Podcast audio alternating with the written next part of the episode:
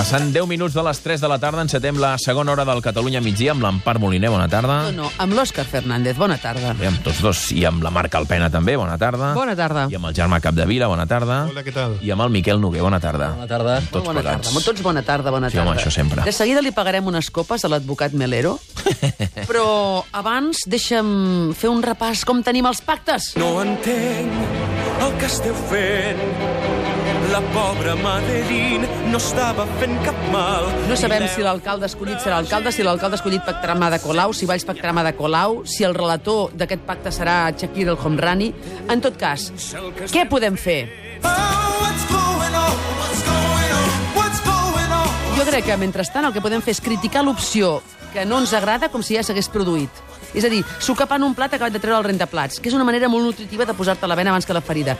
Tu no vols que la Colau eh, pacti amb Vall? Doncs dius, com pot pactar? Ja està bé, sembla mentida, és que no, què podíem esperar d'ella? Vols que no pacti amb en Maragall? Dius, ja està bé, és que sembla mentida, amb els lacis, quatre anys, ja està, pobre. I així, o sigui, eh, agafes la Colau, la critiques molt i, i, i ja ho tens fet. O això, o que tots els partits formin govern i que no hi hagi oposició, que també estaria bé. O que tots els partits formin oposició i l'alcaldia quedi deserta, com el Premi Sant Joan de novel·la.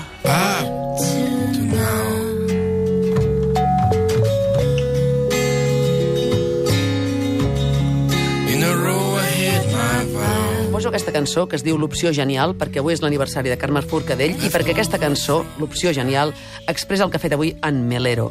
De vegades allò més simple és allò més gen- genial. Què ha fet?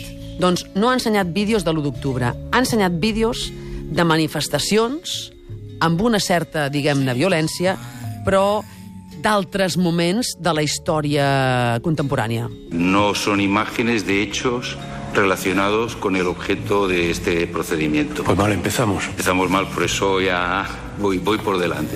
Se trata de imágenes de cuatro manifestaciones violentas ocurridas en diversos lugares del territorio nacional en los últimos años, que únicamente pretendían establecer un criterio de baremo normativo de lo que es un desorden Bien, público vamos a ver, violento. no hace falta que lo explique, el vídeo está declarado pertinente, vemos el vídeo y, y luego las eh, alegaciones que quiera hacer sobre ello y la finalidad para el informe. Me, me ponía la venda antes que la herida, señor presidente, para posibles impugnaciones.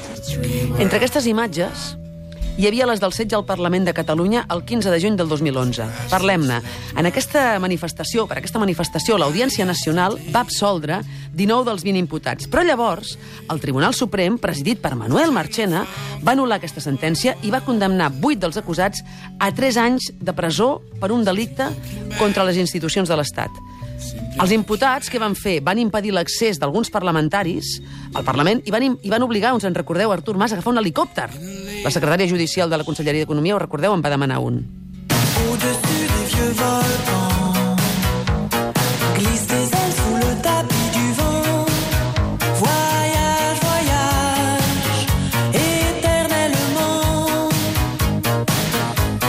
Si pensem en la sedició, tenim que és el delicte que consisteix a, cometes, alçar-se públicament i tumultuària per impedir, entre altres coses, subratllo, el lliure exercici de les funcions d'una autoritat, corporació o funcionari o atacar la persona o els béns d'una autoritat. Això sedició, ja ho hem dit moltes vegades, però pensem un moment amb el setge al Parlament i aquests tres anys.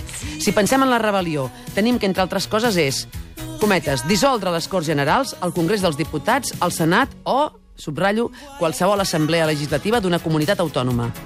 Manuel Marchena va condemnar aquesta gent con la vènia, però no els va condemnar per sedició ni per rebel·lió, tot i que Artur Mas va agafar l'helicòpter i, us en recordeu, van pintar la gabardina de Montserrat Tura, que en canvi no va marxar per cap morete.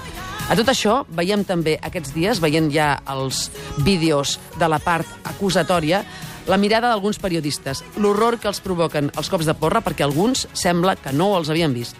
Déjà